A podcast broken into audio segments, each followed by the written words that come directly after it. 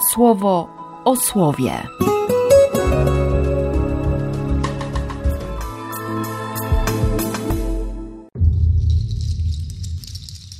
Trzydziesty stycznia, sobota. Z listu do Hebrajczyków. Wiara jest fundamentem pokładanych nadziei, argumentem na to, czego się nie widzi. Dzięki niej przodkowie dostąpili uznania. Dzięki wierze pojmujemy, że słowem Boga światy tak zostały sporządzone, że to, co dostrzegalne, nie z tego się stało, co widoczne. Dzięki wierze Abel złożył Bogu cenniejszą niż Kain ofiarę i przez to dostąpił uznania za sprawiedliwego, które wyraził mu Bóg nad jego darami. A z racji tej wiary, choć umarł, nadal mówi. Dzięki wierze Henoch dostąpił przeniesienia, także nie doświadczył śmierci i nie znaleziono go, gdyż Bóg go przeniósł. Bo jeszcze przed przeniesieniem otrzymał świadectwo, że jest miły Bogu. A bez wiary niemożliwe miłym być Bogu. Kto do Boga się zbliża, musi wierzyć, że On jest i że nagrodę tym daje, którzy go szukają. Dzięki wierze Noe został objawieniem uprzedzony o tym, czego jeszcze nie było widać, i z wielką starannością przygotował arkę dla ocalenia swojej rodziny. Dzięki tej wierze osądził też świat i stał się dziedzicem sprawiedliwości opartej na wierze. Dzięki wierze Abraham posłuchał wezwania i odszedł do miejsca, które miał otrzymać w dziedzictwie. Odszedł nie wiedząc, dokąd idzie. Dzięki wierze przesiedlił się do obiecanej ziemi obcej i mieszkał w namiotach, a podobnie Izaak i Jakub, współdziedzice tej samej obietnicy. Oczekiwał bowiem miasta zbudowanego na fundamentach, którego architektem i twórcą jest Bóg. Dzięki wierze i sama Sara, choć niepłodna, otrzymała zdolność poczęcia nawet wbrew swemu wiekowi, bo za godnego wiary uznał Abraham tego, który dał obietnicę. Dlatego z jednego człowieka, i to już objętego uwiądem, zrodziło się potomstwo jak gwiazdy na niebie liczne i jak piasek na brzegu morza nieprzeliczone. Z tą wiarą umarli oni wszyscy – nie doznawszy spełnienia obietnic, a tylko z daleka na nie patrzyli i pozdrawiali i wyznawali, że na tej ziemi są jedynie gośćmi i pielgrzymami. A ci, którzy tak mówią, pokazują, że tęsknią za ojczyzną. Gdyby przy tym mieli na myśli tę, z której pochodzili, to przecież mieli możliwość powrotu. Oni jednak podążali do wyższej, to jest do niebieskiej, z tej racji Bóg nie za wstydliwe uważa, by nazywać się ich Bogiem, bo przecież przygotował im miasto. Dzięki wierze Abraham, wystawiony na próbę, ofiarował Izaaka.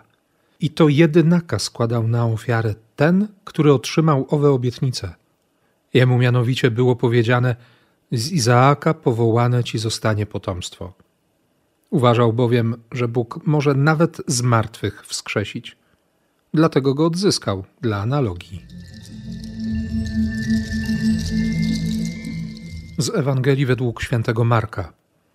Tamtego dnia, późnym popołudniem, powiedział do nich: Przeprawmy się na drugi brzeg. Zostawili tłum i zabrali go tak, jak był w łodzi. Były z nim także inne łodzie. Zerwała się wtedy gwałtowna wichura i fale wlewały się do łodzi, tak że łódź już się napełniała. On tymczasem spał na rufie, oparty na wezgłowiu. Budzą go więc i wołają do niego: Nauczycielu, obojętne ci to, że giniemy? Wtedy on wstał, skarcił wicher, a jezioru rozkazał: Zamilknij, bądź cicho. Uspokoił się wicher. Zrobiło się bardzo cicho. Do nich natomiast powiedział: Dlaczego tak bojaźliwi jesteście? Nadal brakuje wam wiary? bo przerazili się bardzo i mówili jeden do drugiego: Kimże on jest, że nawet wicher i jezioro są mu posłuszne? I autor listu do Żydów zaczyna traktat o wierze, bo wiara jest fundamentem pokładanych nadziei. Bez wiary Bogu nie ma nadziei na życie, na życie, które trwa i trwa i trwa a że dla autora natchnionego jest jasne, że wiara jest odpowiedzią na wezwanie, na powołanie. W taki sposób tłumaczy na przykład święty Hieronim te teksty, że tam wszędzie dodaje jakby e, słowo wezwany, powołany. To nie dziwi nic, że przed Abrahamem mamy tych trzech wezwanych. Najpierw Abel. Abel, który traktuje Boga jak Boga. I w tym traktowaniu jest uczciwy i szczery, po prostu. Dostąpił uznania za sprawiedliwego. Jest autentyczny w tym szukaniu, w tej bliskości z Bogiem. Potem Henoch. Nie doświadczył śmierci i go nie znaleziono, bo Bóg go przeniósł. Ale jeszcze przed otrzymał świadectwo, że jest miły Bogu, że jest Bożym ulubieńcem. No nie miałem dzisiaj takiej myśli, kiedy się obudziłem. Ojcze, twój ulubieniec już wstał.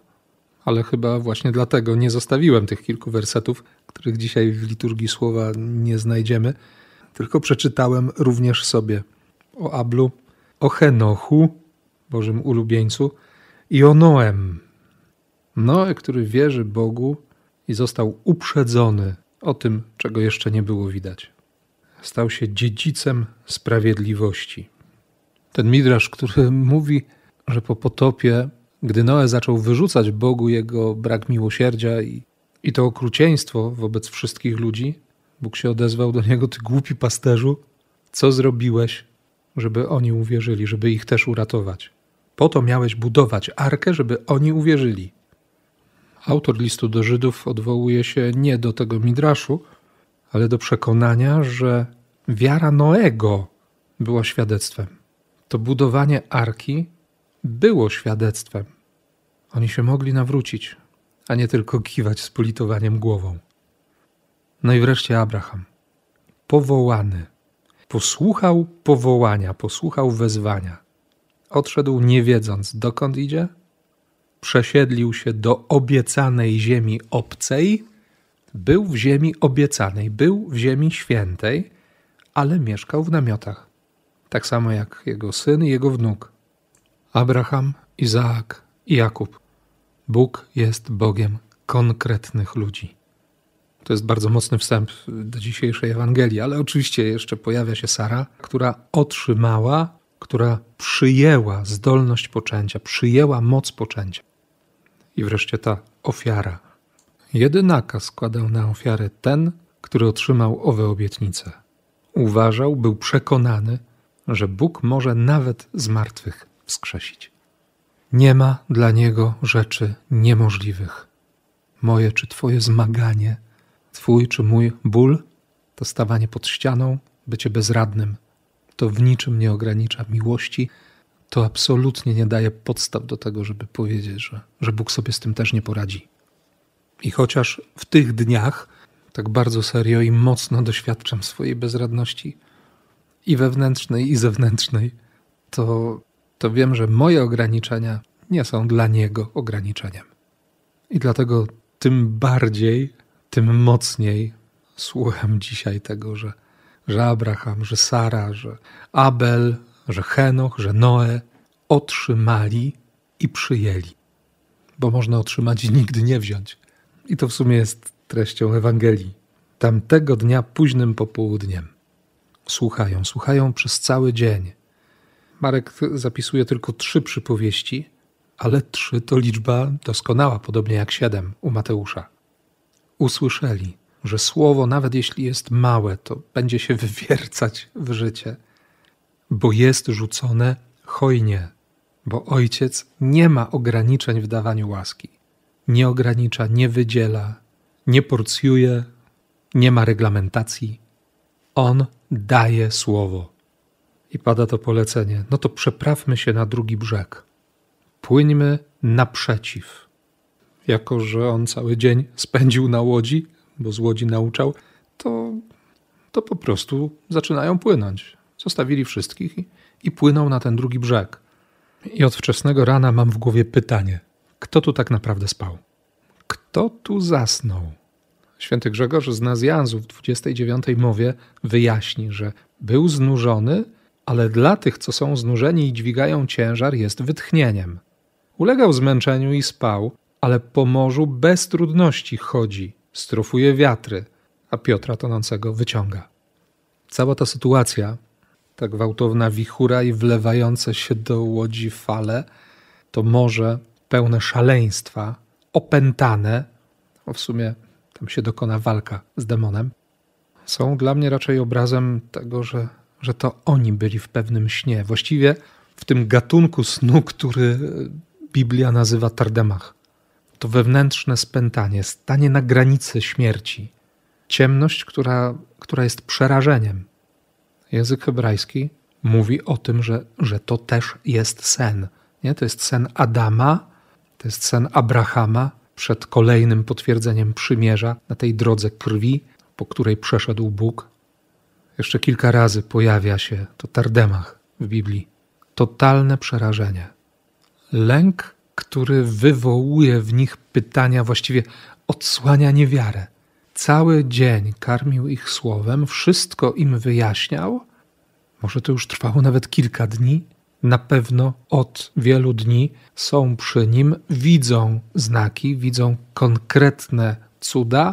On się odsłania tak powoli przed nimi, a oni mówią: Obojętne ci to, że giniemy. Nic cię to nie obchodzi. Komentarz będzie prosty. Dlaczego tak bojaźliwi jesteście? Nadal brakuje wam wiary. Jan napisze później, że w miłości nie ma lęku. Nie? Ale tutaj nie ma pytania, czy nie ma, czy nie ma jakiegoś żalu Jezusa o to, że się boją. On im po prostu dosadnie powiedział, że nie wierzą. Bo i ty, i ja wiemy bardzo dobrze, że problemem nie jest to, że się boimy, że mamy takie chwile, krótsze, dłuższe, że możemy być nawet przerażeni. Problemem jest to, kiedy przestajemy wierzyć, że Bóg w tym przerażeniu jest, że nas nie zostawił, że nie odszedł, nie opuścił, że On się nie wystraszył, że, że nagle nie rozłożył rąk i powiedział: no, Jestem bezradny, nic się nie da zrobić. Oskarżenie o obojętność tu jest problem.